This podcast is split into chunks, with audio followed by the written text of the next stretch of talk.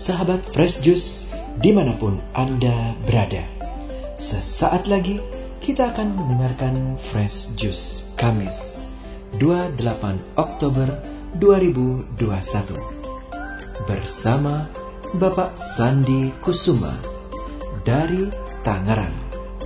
Selamat mendengarkan.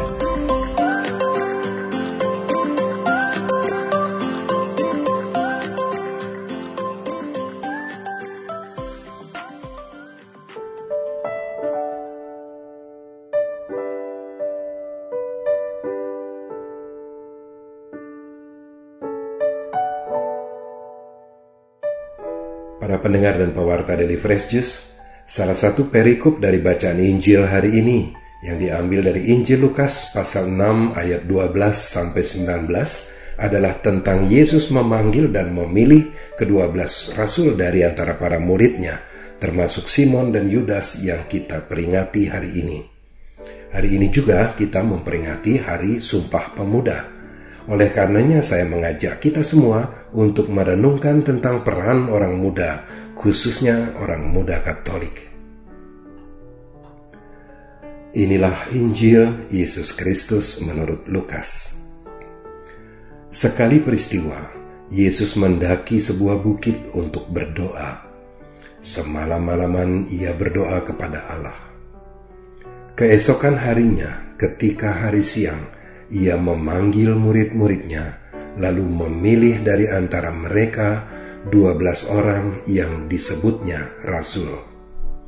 Mereka itu ialah Simon yang juga diberinya nama Petrus, Andreas saudara Simon, Yakobus dan Yohanes, Filipus dan Bartolomeus, Matius dan Thomas, Yakobus anak Alfeus dan Simon yang disebut orang Zelot.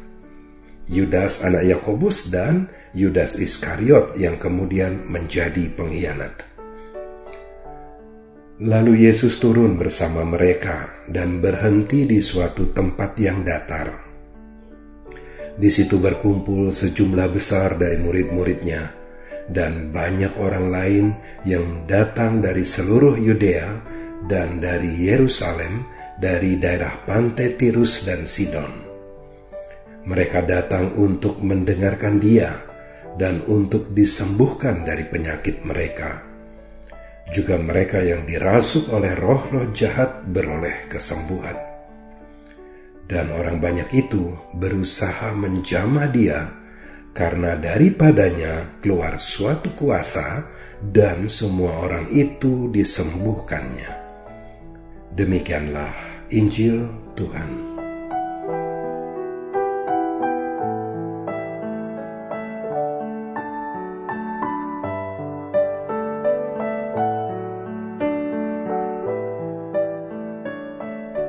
Para pendengar dan pewarta dari Fresh Juice, apa yang terlintas di benak kita ketika mendengar kata OMK, orang muda Katolik? Barangkali sebagian dari adik-adik kita yang masih sekolah atau kuliah akan berkata demikian, Yes, it's me. Sementara sebagian yang lainnya barangkali berkata, Oh, come on, it's not me. Aku dipaksa-paksa orang tuaku untuk ikut kegiatan OMK, males banget deh. Suatu ketika saya menyodorkan rencana rekoleksi khusus untuk OMK. Seseorang berko berkomentar begini, Pak Sandi, sulit mengumpulkan OMK untuk kegiatan rekoleksi seperti ini. Apalagi ini mau diadakan seharian penuh. Nggak bakalan ada yang mau ikutan, Pak. Kalau bikin acara pagelaran musik, nah baru mereka pada ngumpul. Apakah memang seperti itu potret OMK kita? Bukankah kegiatan-kegiatan gereja justru membuka peluang bagi OMK untuk mendapatkan pasangan hidup yang seiman? Terlebih jika kegiatannya lintas paroki atau bahkan lintas keuskupan. Kegiatan-kegiatan lintas agama ataupun kegiatan yang tidak berbasis agama memang penting untuk diikuti oleh OMK kita. Tetapi kegiatan eksklusif di antara sesama OMK juga tak dapat diabaikan. Bertepatan dengan Hari Sumpah Pemuda hari ini, mari kita lihat bagaimana orang muda telah berperan penting di dalam sejarah bangsa Indonesia. Jauh sebelum Indonesia merdeka, tepatnya pada tanggal 28 Oktober tahun 1928, para pemuda dari berbagai pulau yang berbeda, dari berbagai suku bangsa yang berbeda-beda, dan dari berbagai bahasa daerah yang juga berbeda-beda, mereka mengikrarkan sumpah pemuda. Bertanah air satu, berbangsa satu, dan berbahasa satu, Indonesia. Satu hari sebelumnya, orang-orang muda dari berbagai daerah berkumpul di Batavia, sekarang Jakarta. Dan mereka melaksanakan kongres justru di gedung pemuda Katolik. Artinya, OMK pada waktu itu telah turut berperan aktif dalam pergerakan yang bersejarah itu. Kemudian, kita juga telah mengetahui bagaimana para pemuda mendesak Bung Karno, Bung Hatta, dan tokoh-tokoh lainnya untuk segera memproklamirkan kemerdekaan Republik Indonesia. Mungkin tidak banyak di antara kita yang dapat menyebutkan nama-nama para pemuda itu, tetapi peran mereka bagi kemerdekaan Indonesia memang tak terbantahkan. Mereka telah memberi andil dalam membebaskan tanah air dari penjajahan asing. Begitu juga ketika reformasi bergulir di bulan Mei tahun 1998 yang lalu. Demonstrasi besar-besaran yang dilakukan oleh para mahasiswa dari berbagai wilayah di Indonesia telah berhasil mengembalikan kedaulatan Indonesia ke tangan rakyat Indonesia. Meskipun mesti dibayar mahal oleh tragedi-tragedi dari berbagai kerusuhan yang terjadi. Dan sekarang ini, orang muda kembali dipanggil untuk menduduki perannya menyambut era baru kehidupan masyarakat yang berbasis digital. Pandemi COVID-19 telah memaksa akselerasi seluruh lapisan masyarakat untuk melek digital. Diakui ataupun tidak, oleh karena peran orang mudalah transformasi digital akhirnya terjadi dan tak dapat dipungkiri ada banyak gubernur, bupati, camat, dan bahkan menteri yang berusia muda yang dulu nyaris mustahil terjadi.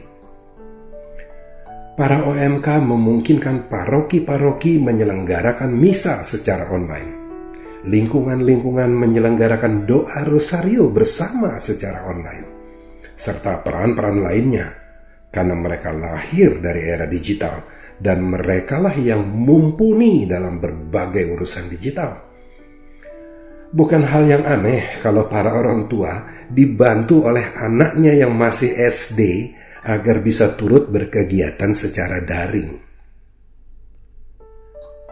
Para pendengar dan pewarta dari Fresh dari bacaan Injil tadi, kita mengetahui kalau Yesus mendaki bukit untuk berdoa kepada Allah Bapaknya Yesus berdoa semalam-malaman untuk mendapatkan pencerahan dari Bapaknya tentang siapa yang akan dipilih dari antara para muridnya untuk dijadikan rasul.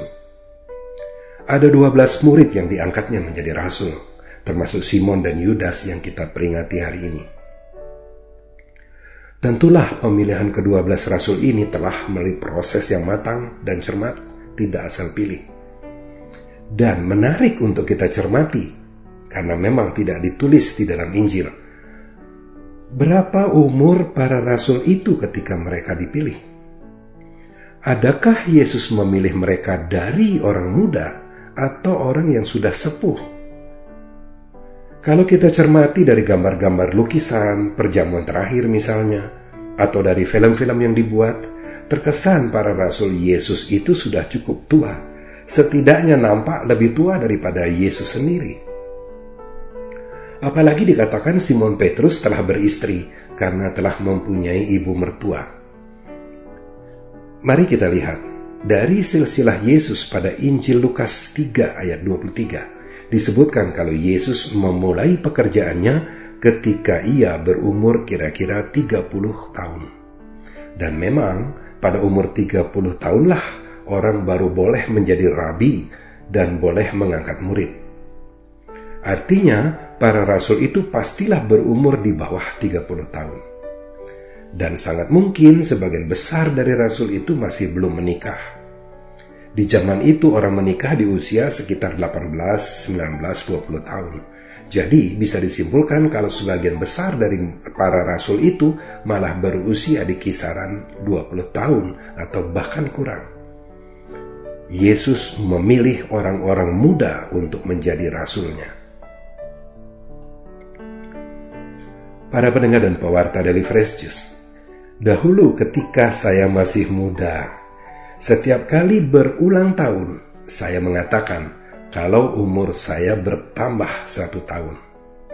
Tetapi di usia saya sekarang ini, usia yang tidak lagi muda, setiap kali berulang tahun maka saya harus mengatakan bahwa umur saya berkurang satu tahun.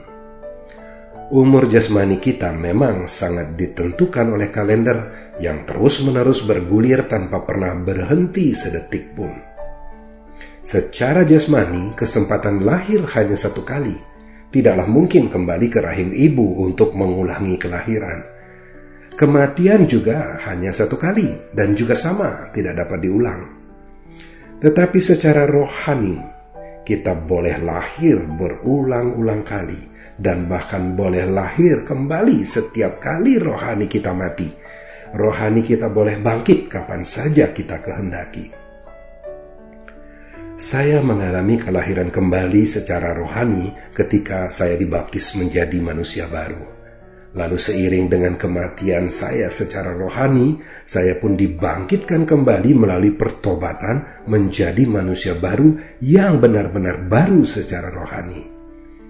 Usia jasmani saya telah membuat orang memanggil saya kakek atau opa, tetapi saya adalah OMK dalam usia rohani saya, dan saya mau tetap demikian. Alangkah bahagianya jika ada orang yang muda seluruhnya, umur jasmaninya muda, dan umur rohaninya juga muda, karena ia berkesempatan untuk dipanggil dan dipilih oleh Kristus untuk menjadi rasulnya di zaman digital ini. Tak menjadi masalah apakah ia akan berdiri di barisan awam atau di klerus, tetapi menjadi masalah jika ia tidak menjawab panggilan Kristus. Oleh sebab itu, menjadi penting bagi OMK kita untuk mendengar dan menjawab panggilannya. Janganlah seperti Samuel muda yang sampai tiga kali Tuhan memanggilnya, tetapi Samuel menyangka kalau Nabi Eli yang memanggilnya. Setelah Eli memberitahu siapa sesungguhnya yang memanggil dia, barulah Samuel menyahut, Ya Tuhan, berbicaralah, sebab hambamu ini mendengar. Amin.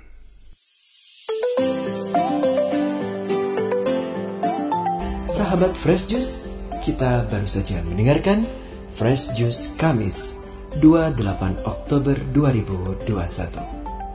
Terima kasih kepada Bapak Sandi Kusuma untuk renungannya pada hari ini.